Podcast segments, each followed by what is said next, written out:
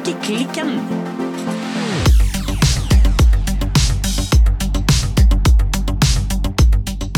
Hallo, Birte. Hallo, Silje. Velkommen tilbake fra påsketur. Tusen takk. Hva vil du begynne med i dag? Strikking eller påske? Nei, Er vi ferdig med påske Er vi nå? ferdig med påske? Jeg er så tjukk og god av påskeegg og påskegodt og påskejakt og påskekaniner og dess snø og dess Ja. like. Ja. Så jeg er egentlig rett klar for å snakke om strikking, jeg, altså. Ja, men du, da kjører vi på det. Ja. Silje, Ja. Hva strikker du på i dag? Nei, den er også faktisk vanskelig å svare på, kom jeg på. Oi! Nei da. Nei, jeg har rett og slett eh, både tenkt litt og utforsket litt og forsket litt mer og forsket litt og tenkt og følt litt videre. Oi, du, har du forska mye i påska? Ja, altså egentlig mye innad i hodet mitt, så det kan godt Oi. være at ting jeg skal remme om nå blir litt lite sammenhengende og rart. Ja. Men det hele begynte jo da for eh, ca. 20 år siden, når jeg var ferdig på Kunstakademiet. Ja. Da fant jo jeg ut at eh, nei, nå er jeg maler. Og så var jeg maler. Og så har jeg malt deg, da i ja, 18-19 år. Ja. Og så her for et års tid siden så virkelig var jeg egentlig ferdig med å male. Ja. Og dette henger sammen med mange ting i mitt liv. Mange ting som kanskje er litt private, og sånn, som gjør at det er litt vanskelig å snakke om. Men, Ja. men noe av det det henger sammen med, er at eh, for meg å tenke på en malerisk måte krever veldig mye ro og fokus. Mm. For eksempel så sitter jeg jo også nå og skriver på en bok, en fagbok. Ja. Det er noe jeg kan jobbe med mens jeg gjør tusen andre ting. Jeg kan kjøre bil og skrive bok i hodet mitt. Jeg kan ta oppvasken og skrive bok i hodet ja. mitt. Du er jo super, Silje, tross alt. Men jeg kan ikke male og Nei. gjøre noen ting samtidig. Nei. Den maleriske måten å tenke på krever at jeg kun driver med det. Ja. Og det har blitt vanskelig rett og slett å gjennomføre av eh, tidsklemmer og andre klemmer. Ja. Så jeg har rett og slett ikke fått tid til å fordype meg i det. Det har ført til at eh, nå har jeg hatt den lengste perioden uten å ha en utstilling som jeg har hatt eh, noensinne, faktisk. Altså siden jeg gikk ut fra akademiet, da. Ja. På 20, for 20 år siden. Så det er jo litt rart, og har vært var på et tidspunkt litt vondt, og litt snålt, og litt ubehagelig, men så var det også litt godt. Og så, jo lenger vi kom inn i denne podkasten, og jo mer vi snakket om bærekraft, og da spesielt mikroplast, Ja. jo mer har jeg jo kjent på at jeg i 20 år har stått og vasket eh, pensler dyppet i akrylmaling hver eneste dag, og vasket de i eh, vann, og helt vannet ut i vasken. Og pumpet havene våre full av mikroplast. ja, altså, jeg tenker du må ikke ta hele det ansvaret på de kappa, altså. Nei, Nei. men det lille ansvaret Jeg har ansvar, jeg også. Ja. Så det har jeg også kjent mye på, at eh, jeg har ikke bidratt til løsningen, jeg har bidratt til problemet. Det har kanskje ført til at du har ikke hatt egentlig så lyst til å gjenoppta målinga heller. Nei, det har det liksom bygd seg opp Det litt, har eh, også gjort ting litt sånn ekstra vanskelig, og hmm, og så har jeg manglet inspirasjon til det, og blu, blu, blu, blu. Men Ja. så dukket det opp bilder og ideer i hodet mitt. Som Ja. ikke er maleri, men tekstilkunst. Oi! Ja. Og dette er veldig nytt foreløpig. Det er veldig inni hodet mitt, pluss noen få prøvebiter jeg har begynt å forske på. Ja. Så ting er veldig tidlig og veldig svevende, men det kan uh, muligens hende at jeg uh, blir tekstilkunstner. Du switcher? Jeg, det, det, it might happen. Jeg har en eh, ny utstilling coming up. Er det sant? Ja, den har Ja. jeg visst om ganske lenge, Ja. og den har jeg tenkt Hvordan skal det gå? Jeg maler jo ikke. Nei. Men, du tre men eh, jeg trenger det å være maleri? Nei, nei, nei. nei. Det er bare Du, for du er kunstner. Det er kun en separat utstilling av Silje Heigren, og Ja. jeg fyller det lokalet med det jeg vil. Ja. Og det kan det faktisk nå bli at blir tekstilkunst. Oi. Og det er veldig rart og veldig nytt. Og eh, jeg ser meg selv i speilet, og så ser jeg litt sånn Å ja, der står hun eh, tekstilkunstneren. Jo, men du, dette her gjør jo meg veldig glad, og veldig stolt, Silje. Det er utrolig kjekt å høre at du liksom har Jeg vet ikke det. At det liksom bare har, skjedd noe som har ført fram til det du forteller nå. For dette var helt nytt for meg. Jeg føler jo at vi kan ikke si foreløpig at det har ført fram. Det Nei. vi kan si nå er at kan være at det fører fram. Du er i prosess. Jeg er i prosess. Det Ja. skal jo sies at det er lenge til denne nevnte utstillingen. Jeg har god tid. Altså, Ja. det vil si, jeg har ikke god tid, fordi at hvis jeg skal gjennomføre det jeg ser for meg, så trenger jeg enormt mange timer med arbeid. Så trenger du alle hendene du kan få. Jeg trenger alle hendene jeg kan få. Og det er også mulig at jeg vil trenge bananasmengder med garn. Oi! Så det ja. kan i så fall være at jeg på et eller annet tidspunkt gråtende henvender eh, meg til våre lyttere og spør om de kan sende meg noen garnstubber, eh, hver og en av de. Ja. Men dagens lille nyhet er altså at det kan være at jeg har blitt tekstilkunstner. Det, det var det jeg hadde tenkt på i påsken. Det, Ja. Her kommer det for en dag. Det kan ha skjedd. For, For å si det sånn You heard it first at Strikkeklikken! Utover det så må jeg jo si at jeg selvfølgelig har strikket masse i påsken. Jeg har strikket Ja. på mitt pledd fra Rauma og Aftenstrikk. Ja. Det er ikke ferdig, men det er godt i gang. Er du på 60-70 nå? Eh, ja, 64,3 tegn. Nei, litt mer enn det, forresten. Ja, ja. Mer enn det. Jeg er nesten ferdig med mine boresweater fra strikkekaffe. Ja. Den har jeg jo ikke helt fulgt oppskriften på, da, så det er litt Nei. rart å kalle den for eh, boresweater fra strikkekaffe. Kanskje du kan kalle den litt sånn artisanal boresweater? Ei modifisert bore? Ja. Det kan vi kalle det for. Ja. Nei, den er nesten ferdig, og den gleder jeg meg enormt mye til å ta i bruk. For den tror jeg blir kjempefin. ja, det tror jeg også. Jeg gleder meg til å se den.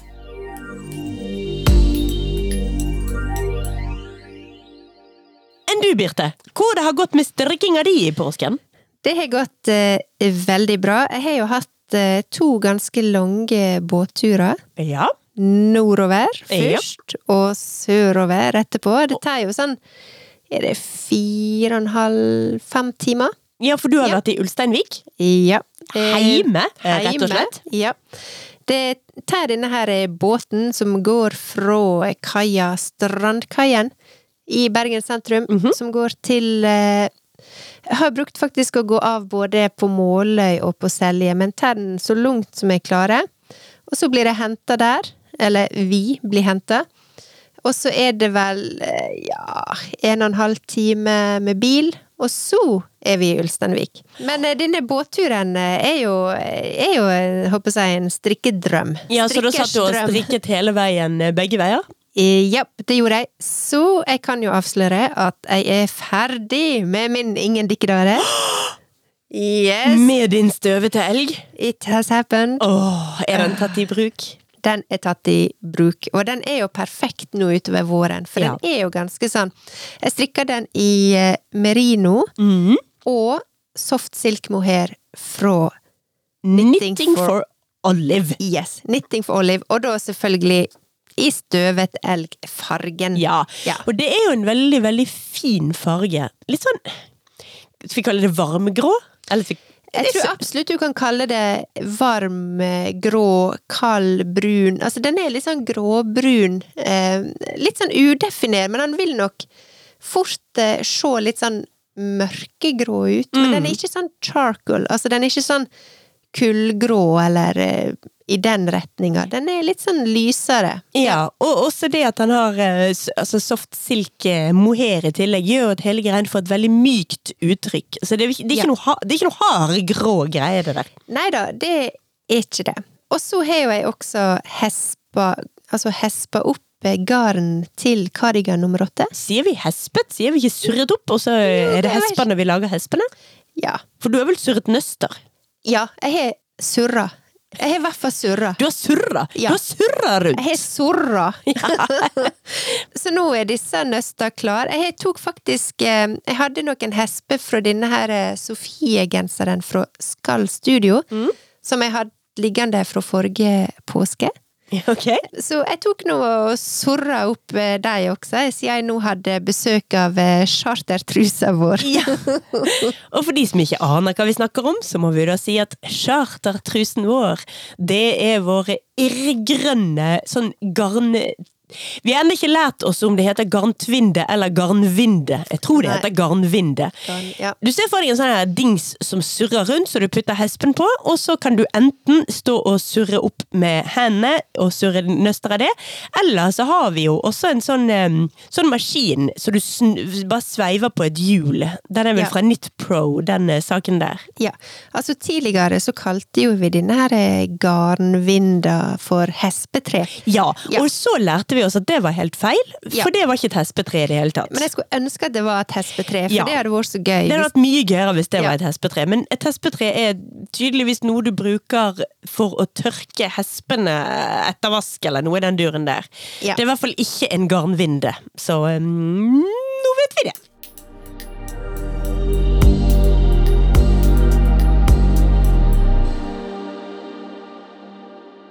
Men Birte, vi må rett og slett kjøre rett på temaet i dag. Ja. Vi skulle selvfølgelig snakket mye om påsken og hva vi har spist, og eh, hvor mange påskeharer du har sett osv., men nei, for vi skal snakke om kropp og størrelser og fasong. Ja, for det, det er en stund siden så var det en eh, lytter som skrev til oss og, lurte litt sånn på Har dere tenkt på at eh, det kan eh, Altså fasongen på strikkedesign eller strikkeplagg eh, forandrer seg litt fra om det er en dansk designer, for eksempel, eller om det er en norsk designer, eller om det er en svensk. Altså, det var litt sånn spørsmål om hva tenker vi om, eh, om, eh, om fasong og størrelser? For det kan være ganske komplisert når du driver med strikking. Det kan det absolutt, og da syns jeg det er viktig å gjøre det tydelig ganske tidlig at det vi snakker om nå, det er overkroppsklær. Vi snakker om gensere og cardigans og til nød T-skjorter i dag. Ja. Når vi snakker om snitt og fasong, så driter vi i pledd og eh, skjerf og labber og luer. Fordi det er rett og slett ikke det vi snakker om. Nei, det er ikke det vi snakker om, og det er jo noe også med at eh, hvis du strikker for eksempel bukser, da, Ja. eller skjørt, Ja. så er i hvert fall min påstand at eh, da er det i hvert fall viktig å få det skikkelig på størrelsen. Det kan være ganske komplisert. Ja, altså jeg har kun strikket meg i skjørt en eneste gang, og det jeg kan si at jeg lærte av det, for jeg, da ønsket jeg å strikke meg et sånn eh, tight eh, pencil skirt, hva heter det, blyantskjørt. Ja. Sånn knelangt og stramt. For meg var det ikke noe god idé i det hele tatt. Nei. For jeg strikka jo så løst at uh, det så for så vidt fint ut når jeg sto bom stille, men når jeg beveget meg, hvilket man jo ofte gjør, så måtte jo det strekke seg ganske mye for at, jeg, for at jeg skulle kunne gå. Ja. Ta et skritt. Og det som jo skjer da, når man strekker i strikketøy, er at eh, det blir gjennomsiktig. I hvert fall når jeg Ja. strikker, for jeg strikker jo så løst. Ja. Så det var ikke veldig gøy å gå rundt med et gjennomsiktig skjørt på meg. Nei. Men i dag så skal vi i hvert fall snakke mest om eh, gensere, da. Kanskje cardigan. Altså overplagg. Strikka overplagg. Overkroppsplagg. Ja. Et begrep som man kommer borti tidlig når man snakker om størrelse på overkroppsklær, ja. det er positiv is. Yes. Det betyr jo rett og slett eh, hvor stor plagget er i forhold til kroppen du har. Ja, altså det sier jo noe om eh, det her eh, håper jeg, materialet som er til overs i forhold til eh, din egen kropp. Ja, Ja. for vi strikker jo sjeldent badedrakter. De vil Ja. trolig ha en eh, positiv is på null. Mens ja, knapt nok. Knapt nok. Men når vi snakker om eh, gensere og cardigans, så vil man jo gjerne ha litt luft mellom hud og plagg. Ja, som regel vil en det. Personlig er jo jeg en fan av litt luft der, derimellom. Ja, på strikkeklær så skal du gjerne ha plagg under også, og det kan du bare glemme hvis du ikke har noe positiv is i det hele tatt. Det stemmer. Eh, Og positiv is, det heter jo også bevegelsesvidde. Ja. Ja. Men det er veldig ofte, sjøl i norske oppskrifter, oppgitt som positiv is. Men altså Det et det. mye bedre ord på norsk er altså bevegelsesvidde. Ja.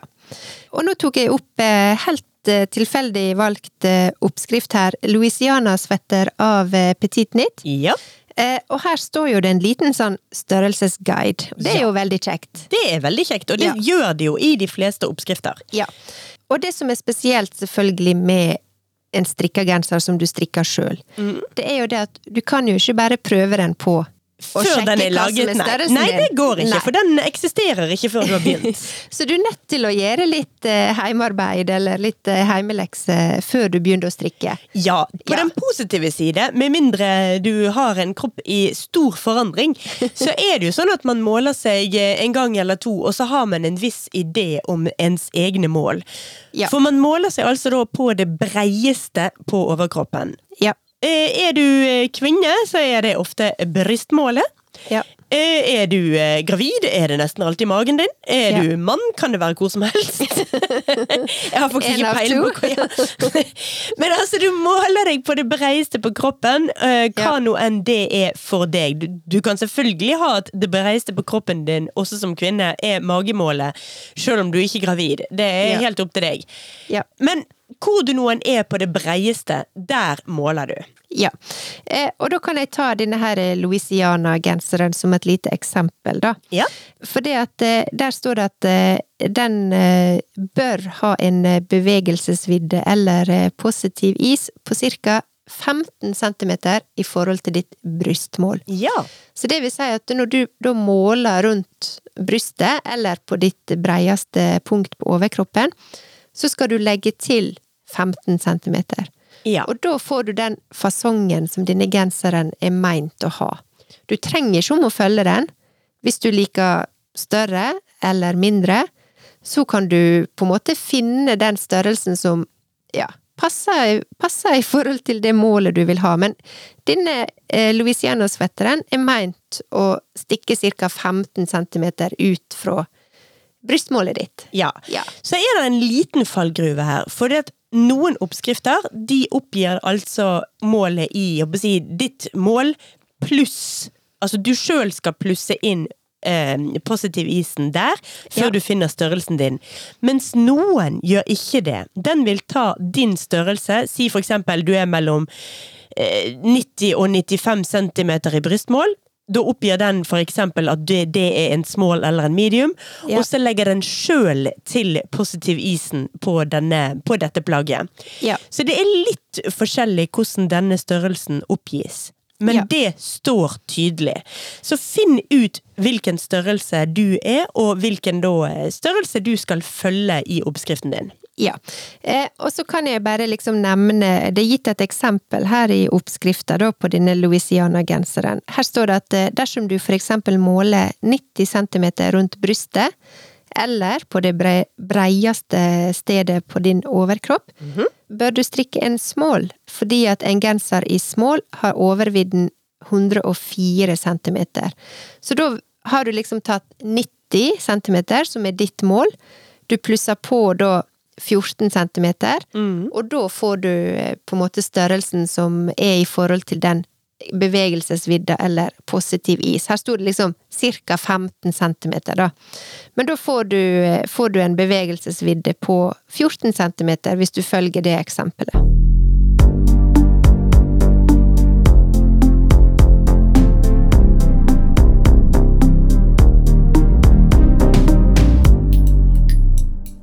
Så er det en annen ting som vi må nevne tidlig her, og det er strikkefasthet. Yes, for det er det neste punktet. Ja, nå har Ja. vi allerede sagt noe om eh, kjenn din egen eh. Kvinne, kjenn din kropp. Ja. Det kan menn også gjøre, altså. Men for de som eh, skjønte hva jeg snakket om der, så er det altså en bok fra jeg tror den er fra 70-tallet, som het 'Kvinne, kjenn din kropp'. Som lærte, lærte oss alle om eh, våre innvoller og våre utvoller. Ja. Men i alle fall, kvinne, kjenn din strikkefasthet. Ja. Og der spiller vi på ekstremt forskjellige lag, Birte. Ja, altså kvinne, kjenn, kjenn dine mål, og kjenn, kjenn din strikkefasthet. Ja, men du strikker enormt stramt, og jeg strikker latterlig løst. Ja. Jeg tror nå Altså, jeg har alltid tenkt at jeg strikker litt sånn passelig, men jeg er på den stramme sida. Men jeg strikker ikke helt sånn ubegripelig stramt. Det gjør jeg faktisk ikke. Nei. Men jeg er jo en sånn type som heller vil ha det større enn lite. Ja. Sånn at for meg å legge på litt ekstra da i forhold til strikkefasthet eller størrelse, det gir meg ingenting. For at jeg vil heller ha den altfor stor enn bitte litt for liten. Ja. Ja. Og jeg er også glad i klær som er oversized, men kanskje ikke så glad i oversized klær som deg. Jeg vil ha Nei. klær som passer. Og det kombinert med at jeg strikker så løst, gjør at jeg ofte ender opp med å strikke i small istedenfor medium. Til tross for at min kropp, helt klart, altså når jeg måler meg, så er jeg Ja. en medium. Ja. Men fordi jeg altså strikker så løst, så kan det godt være at eh, small er et bedre snitt for meg. Ja, og grunnen til at vi nå snakker om strikkefasthet, det er jo fordi at det vil jo påvirke resultatet, selvfølgelig. Ja. Og disse her eh, størrelsesguidene, altså disse, denne her bevegelsesvidda, den gjelder kun hvis du følger strikkefastheten. Ja, og det gjør jo ikke vi! Nei, så du kan ikke stole på, på den eh, størrelsesguiden med mindre du følger strikkefastheten. Nei, og så er det der litt vanskelig, fordi at nå begynte vi jo innledningsvis med forskjellige oppskrifter kontra hverandre. Liksom, ja, dansk design versus norsk design, etc. Ja. Ja. For som allerede nevnt, så strikker jeg ofte i small. Men når jeg skulle strikke min Nord-sweater fra strikkekaffe, den strikket jeg da først i små, og den var jeg ferdig med hele bolen på. Før Ja. jeg bare innså at den kom til å bli for liten. Så jeg Ja. rekket opp alt og strikket den en gang til i medium. Ja. Sånn at man kan ikke liksom finne opp én måte å gjøre ting på og holde seg slavisk til den. Nei. Dette her må også samkjøre med oppskriftene du strikker fra. Så det er litt eh, Det er litt å finne ut av. Det er litt å finne ut av, og så er jo det litt sånn, hvis du kjenner til en strikkedesigner, så kan du kanskje tenke at ok, eh, den strikkedesigneren har kanskje litt smalere snitt enn Mm. andre, noen har kanskje et litt mer eh, oversized eh, uttrykk, for eksempel. Mm. Det er klart at da vil jo det påvirke Altså, vi snakker egentlig om fasong her, og ikke nødvendigvis om størrelse. Nei, det er jo dette her med Ja, noen designere har veldig store ting, og andre har veldig trange ting, så det er jo stor forskjell der. Ja. En som jeg har lyst til å trekke fram, en spesiell genser, da. eh, Ja. Det er jo eh, Nyttflitter sin eh, Early Morning Sweater, som jeg har strikket to ganger. Ja. Og som jeg antageligvis kommer til å strikke en tredje gang også, fordi min Early Morning Sweater nummer to ble eh, annektert av min kjære datter. Ja. Så da trenger jeg en ny en. Men den oppskriften der, den legger opp til at hvis du ønsker å legge på litt på brystet, hopp til punkt slik og slik. Hvis du ønsker Ja. å legge på litt på magemidjen, hopp til punkt slik og slik. Eller hvis du vil trekke fra på de samme stedene. Så den, den syns jeg Altså, Er, og er det gjort på en eh, logisk måte, sånn at det er enkelt å forstå? veldig logisk måte. Altså Ja. Først når jeg skrev ut oppskriften, så tenkte jeg kjære vene, dette er for mange ord for en stakkars strikker. Ja. For det, oppskriften er vel på sånne 10-12 sider. Ja. Men når du skjønner at du kan, skal jo hoppe over store deler av det, Ja. fordi det er kun hvis du ønsker disse tilpasningene, Ja. da, da var det jo bare å ja, kast side 9 til 11, liksom. Ja. Fordi det har ikke noe med meg å gjøre. Jeg skal ikke gjøre denne endringen, eller.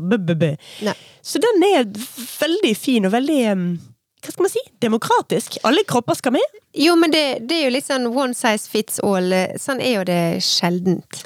Ja, men Ja. den der er nesten det, altså. Ja. Men selvfølgelig, du må fremdeles ha to eh, armer og én kropp og eh, ett eh, hodehull og eh, ja. Så noen Ja. ting eh, er den ikke helt demokratisk på.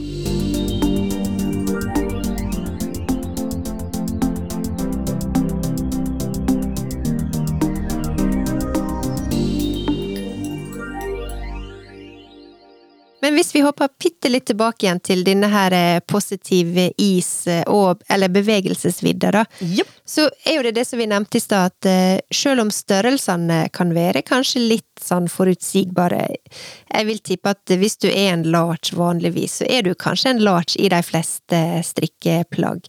Men da er jo det viktig å finne ut hva det betyr i positiv is eller i bevegelsesvidde, sånn at du kan sjekke, altså måle og sjekke at fasongen stemmer for deg.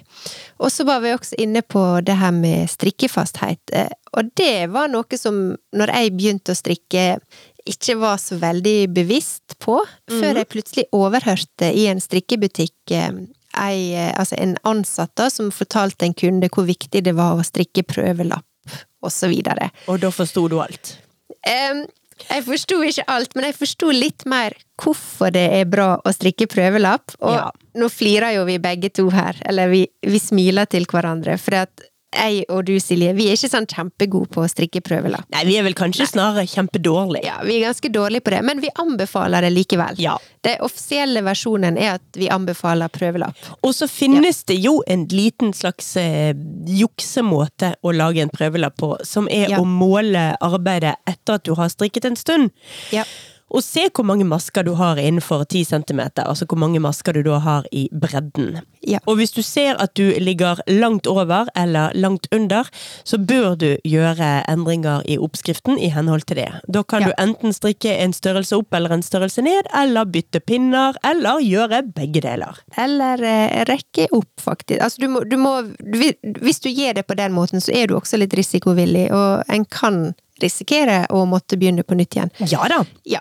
Men tilbake til denne her eh, prøvelappen, for det som jeg forsto når jeg sto inne på denne strikkebutikken og jeg overhørte denne her samtalen, det var jo det at altså når du ser på en prøvelapp, da, og så ser du kanskje at du har strikka en halv centimeter strammere, eller én centimeter strammere, eller eh, motsatt side en halv centimeter løsere, videre.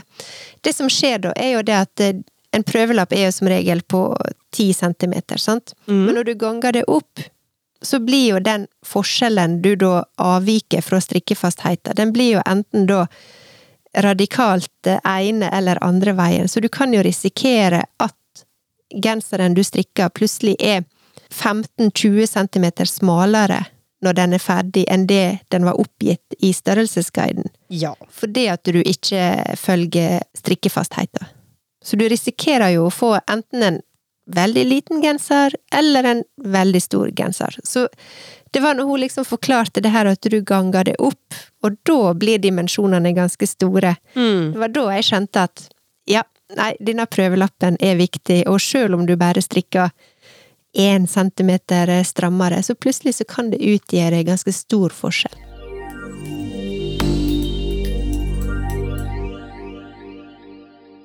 Når vi da snakker om eh, både kropp og størrelse og snitt og fasong i dag, Ja. så må vi jo nevne et slags eh, snitt på overkroppsklær som er litt sånn idiotsikkert. Ja. Og det er jo vår alles kjære bestevenn Ragland-genseren. Ja. Det er jo en genser hvor eh, ermene eh, går ut fra halslinningen oppe, og du har enten strikket det oppenifra, og da øker du utover, eller så har du strikket nedenifra, og så henter du det innover. Ja. Og det er en måte å få disse her eh, ermene til å sitte fast i bolen på, som er, ja, jeg vil rett og slett si, ganske idiotsikker. Den er ganske idiotsikker, og altså raglan er jo det er jo den saumen som da går på skrå fra liksom halsen og ut og under armhula, eller til armhula. Mm. Ja. Eh, og det gir jo en veldig sånn eh, tilgivende fasong. Ja. Den vil alltid legge seg fint over eh, skuldra eller skulderkappa. Du vil ikke ha noe sånn Den vil ikke komme langt ned på overarmer. Du, den vil ikke bli for stram. Altså, den er, som du sier, den er ganske idiotsikker, og gir omtrent alltid en veldig fin fasong. Ja, altså fordi at andre alternativer er jo at du strikker bol for seg, og så fester du ermene på på den ene eller andre måten. Og da kan du risikere at eh, du plutselig sitter igjen med et overkroppsplagg hvor skuldrene er blitt veldig breie. Ja, det eller, veldig, altså, eller, eller at den her hålet til armen plutselig er veldig smalt. Ja, det kan vel også skje, det har ikke jeg opplevd. Men Ja. jeg har opplevd at jeg har endt opp med, med gensere hvor jeg liksom ser ut som om jeg egentlig har em, ja, skulderputer. Det, det er ikke spesielt flatterende, syns jeg. Jeg mener, to each their own. Men Ja. personlig, denne her litt sånn eh, Crystal Carrington-looken, ikke helt noe for meg. Så, så for min del så vil jeg gjerne ha enten raglan eh, fest, altså raglende eh, Ja. eller så vil jeg ha disse her eh, ermene sydd på ganske langt nede. Sånn at eh, skulderpartiet går en god bit ned på erm. Helt ned til BCG-en, for Ja. å si det sånn. det, men det er jo det, det jeg foretrekker. Fordi hvis jeg får liksom at, at eh, ermene begynner ja, oppe på skulderen, og man får et litt sånn kantete, rart uttrykk, Ja. så er det noe jeg kan henge meg opp i, og synes at det er et lite flatterende uttrykk. For meg.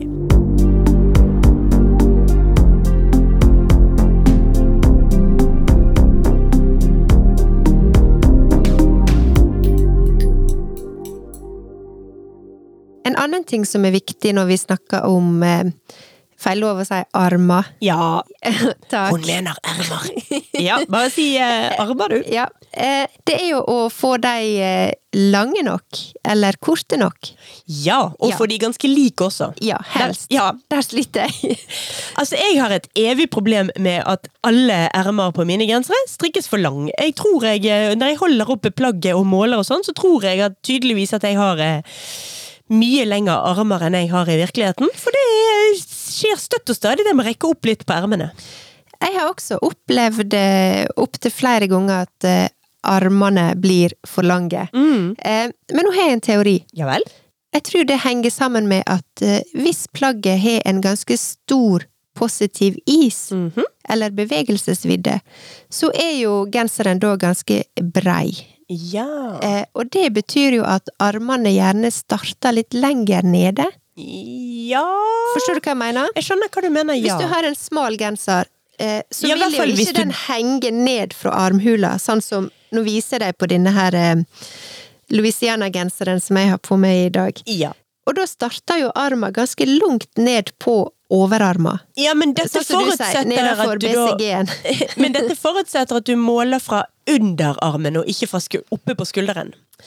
Ja, for jeg bruker alltid å måle fra armhåla, jeg, og ut. Ja. Nei, altså det finnes en ganske idiotsikker måte å komme seg rundt dette på. Ja. Er du klar? Ja. Istedenfor å bruke målebånd, Ja. så rett og slett eh, finner du en allerede strikket genser, eller sikkert et annet plagg du kan også bruke, Ja. som du legger Som du er fornøyd med, for guds skyld. Ja. som du liker lengden på ermene på. Legg den ned på gulvet, og så legger du det plagget du holder på med, oppå. Og så måler du i forhold til det. Ja, for at dette har jeg faktisk gjort, men jeg har ikke lagt eh, den, håper jeg, mitt pågående strikkeprosjekt da på, for at det du må gjøre, at du må jo, det må starte samme plassen, sant? Ja, men hvis du legger skulder mot skulder Ja, eller eh, armhåle mot Armhåle. armhåle. Ja. Ja. ja, men det er det som er. Jeg har bare brukt å måle av og til, jeg, på en gammel genser, men da det samsvarer jo ikke alltid, eller veldig sjelden, på fasongen. Ja! Så når jeg måler da en arm på en genser som jeg liker veldig godt, så er jo ikke det sikkert at den på en måte starter samme plassen. Nei, men skuldrene dine vil jo være der skuldrene og altså eh, Halsåpningen, den eh, flytter seg jo bare ja, litt. Så den har ikke så mye positiv is, kanskje. Så kanskje det mm. Ja. Men trikset i hvert fall er jo egentlig å prøve å måle litt underveis, og så teste litt. Ja, og i de For disse ermene er litt vanskelig. Nå sier jeg ermer og armer om hverandre. Det, Silje, jeg ble mye Nå er jeg helt forvirra her. Nei, altså, ja, få lengden på armene eh, Nå begynner jeg òg. Armene, ermene. Eh, noenlunde riktig. Er litt sånn der eh, Jeg er litt prøve og feile der, altså. Ja. Men jeg prøver ofte da eh, på meg plagget, og så forbausende ofte så ser jeg at jeg har strikket for langt, og så rekker jeg opp noen centimeter, og så feller jeg av. Ja. Det vil være en klassiker hos meg. Jo, men nå kom jo det noen gode tips her, faktisk. Men eh, min teori, jeg vil si at den står seg litt, fordi at hvis du har da en løs fasong, eller en litt sånn oversized fasong, så er det i hvert fall større sjanse for at du strikker armene kanskje litt lange, fordi da får jo du litt sånn hjelp av fasongen. Det vil også påvirke armlengda. Mm. I motsetning til hvis du har en veldig smal fasong på genseren. Da vil du nok måtte strikke litt lengre ermer enn det du gjør på en vid oversized genser. Det var min teori, and I'm sticking to it.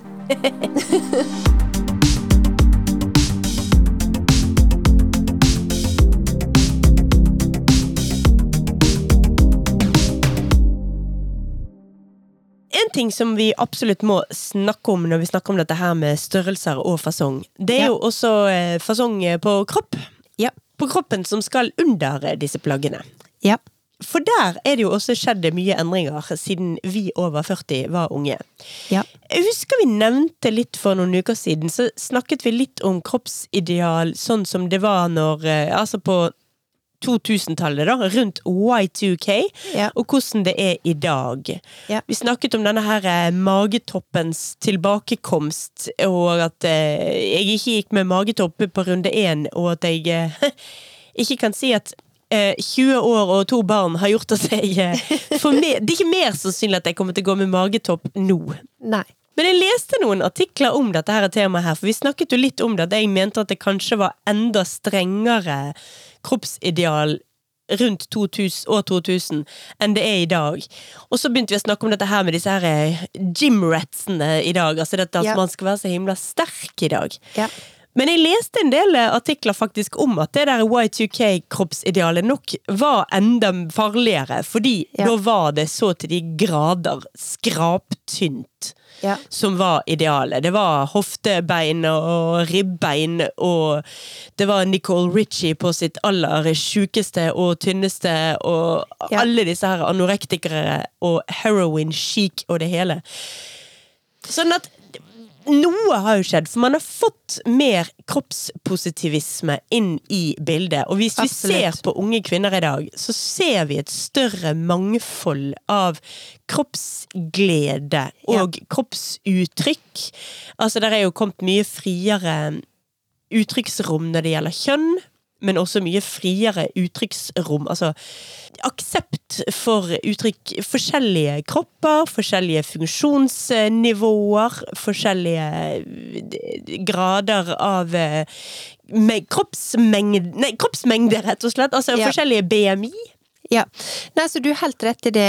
Det som vi jeg, jeg tror vi egentlig mente å si det, men det som ikke kom helt fram i den eh, diskusjonen om Y2K og, og kropp, det er jo nettopp det at eh, Ja, i dag så er nok den Altså, idealet er kanskje litt annerledes i dag. Mm. Det er nok litt Kanskje litt mer sånn muskuløst og trent i forhold til det som du nevner her nå med ja, litt sånn heroin chic og alt Ja. dette der.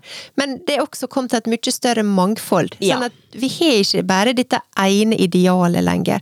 Hva, hva, er, hva er et kroppsideal? Altså, ja, hva er det egentlig? Sant? Altså, det eneste idealet man kan si med 100% sikkerhet, det er ha en kropp. Ja. Det er veldig viktig. Hvis du ikke har en kropp, så har du et problem. Men hvis du har en kropp, så har du oppnådd ganske mange av eh, 2022-idealene. I alle fall en del ut av de. Altså, jeg syns det er blitt veldig vakkert å se unge kvinner eller unge jenter i dag, og se hvordan de med ja, forskjellige grader av eh, ikke nødvendigvis perfekte kropper, likevel viser de fram med stor stolthet, og viser mye hud, viser ekte kjærlighet for sin egen kropp. Og det, der syns jeg det er virkelig veldig mye vakkert. Jo, men det er jo noe med at uh, en kropp har veldig mange funksjoner. Det merka jo jeg sjøl etter at jeg fikk barn. Så fikk jeg faktisk et veldig mye mer avslappa forhold til min egen kropp. Jeg har jo alltid vært sånn eh, treningsjente, men også, håper jeg, fra naturen av, så har jeg også alltid hatt en ganske, ganske slank eh, kropp. Kroppsbygning. Og så lenge jeg trente og syntes det var helt sånn tipp topp, det har alltid gitt meg stor glede. Jeg er veldig konkurransemenneske. Em, så var jo ikke noe problem å på en måte ha en eh, sunn, frisk, eh, men også ganske, da, for min del, da, en ganske smal kropp. Og så slutta jeg å trene så mye, og kroppen forandra seg gjerne litt. Jeg var like glad i mat som jeg alltid hadde vært, men eh, når treninga gikk ut, så var det kanskje litt noe annet som kom inn. Men så merker jeg at etter jeg hadde fått eh, to barn, og det er jo ofte et lite sånn Det kan jo være et sånn paradigmeskifte i en kvinnes eh, kropp, det her med å få barn. Men så merker jeg at jeg så meg sjøl i speilet, og jeg tenkte liksom Fy søren, denne kroppen her, han har levert ganske bra. Levert varene, rett og slett. Ja, den har levert varene, og nå ser jeg på meg sjøl. Ja, ok, jeg er ikke 19 år lenger, og det viser på kroppen min, men det er helt ok. Mm. Jeg merker at for meg å, å liksom se hva kroppen kan være i stand til, Mm. og så ikke bare måle den sånn endimensjonalt etter liksom hvordan den ser ut, for eksempel, men heller tenke hva den har prestert. Mm. Så var det for meg en ganske sånn ja, ganske sånn eye-opener, rett og slett. I forhold til min kropp og mitt eget sjølbilde, rett og slett. Ja. Nei, altså jeg har en del sånn si, ferdigkjøpte klær jeg sliter litt med på størrelser. Fordi eh, jeg har en ganske kort kropp. jeg er 1,61 høy.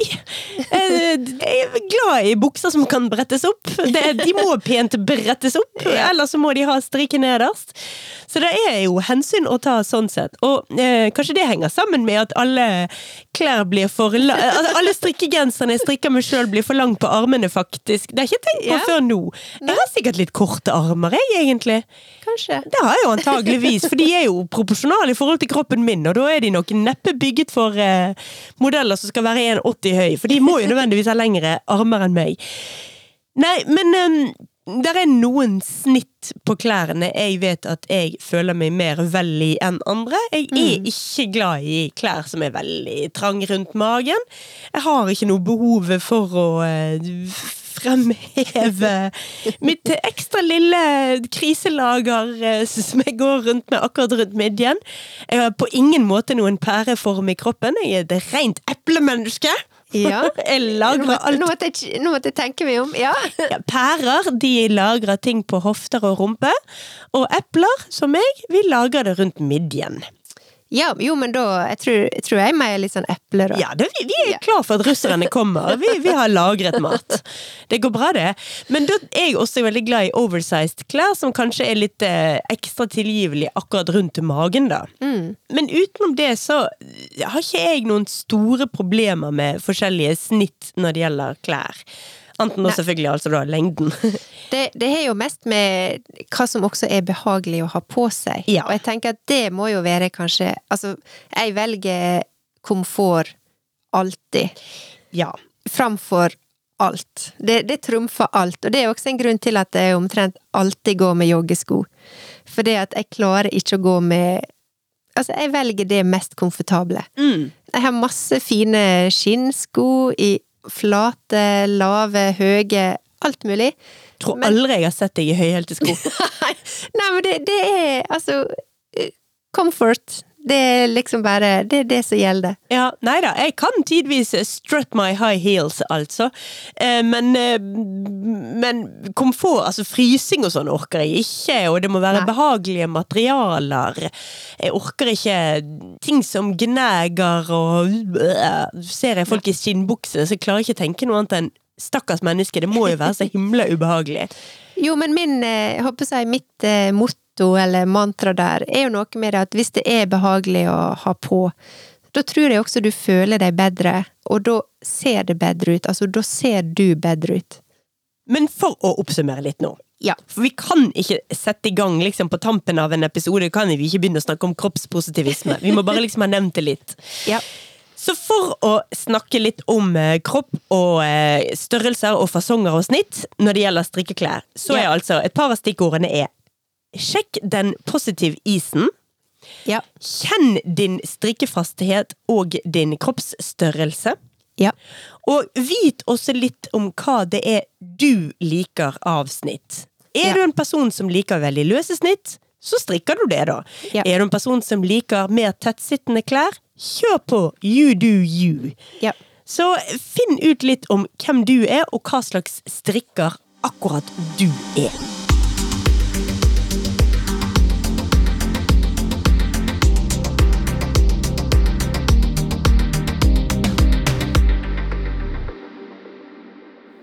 Er det enormt lenge siden vi har hentet opp vår gamle spalte Strikkeklikken tipser. Yes! Men jeg har et tips i dag. Så bra.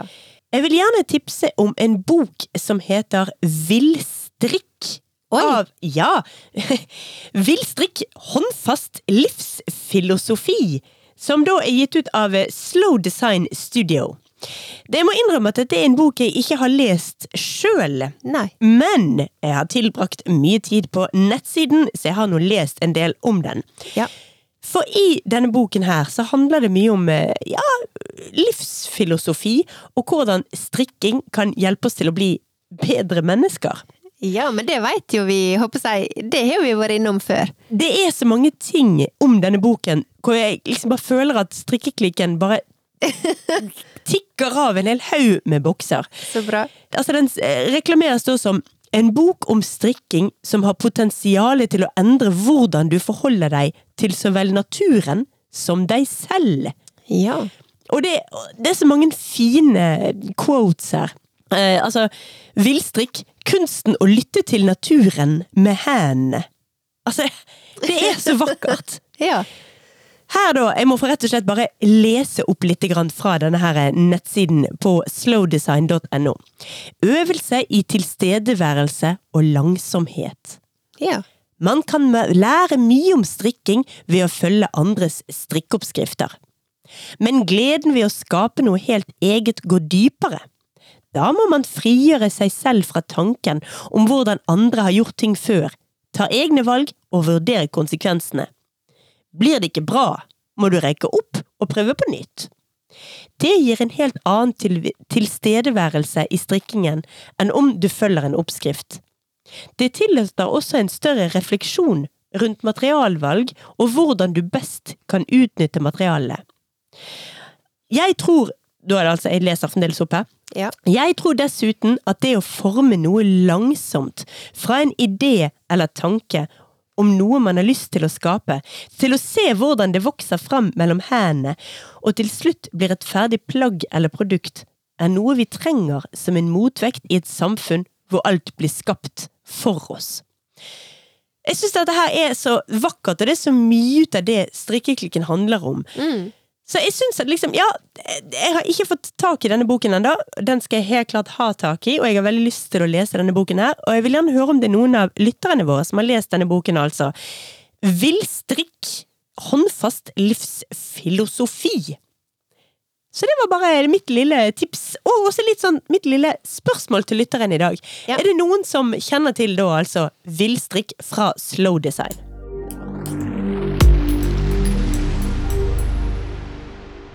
Men det var det vi hadde tid til i dag, Silje. Jeg er veldig glad for at eh, vi fikk til et eh, tips eh, her på tampen. Ja, vi må hente fram den spalten der igjen litt i ny og ne. Så da vil jeg bare si ha det på badet. Ha det på badet, Birte. Vi Jeg har snakkes igjen. stjålet eh, linja di. Du har det, altså. Du, vi snakkes igjen om en uke. Det gjør vi. Ha det. Ha det.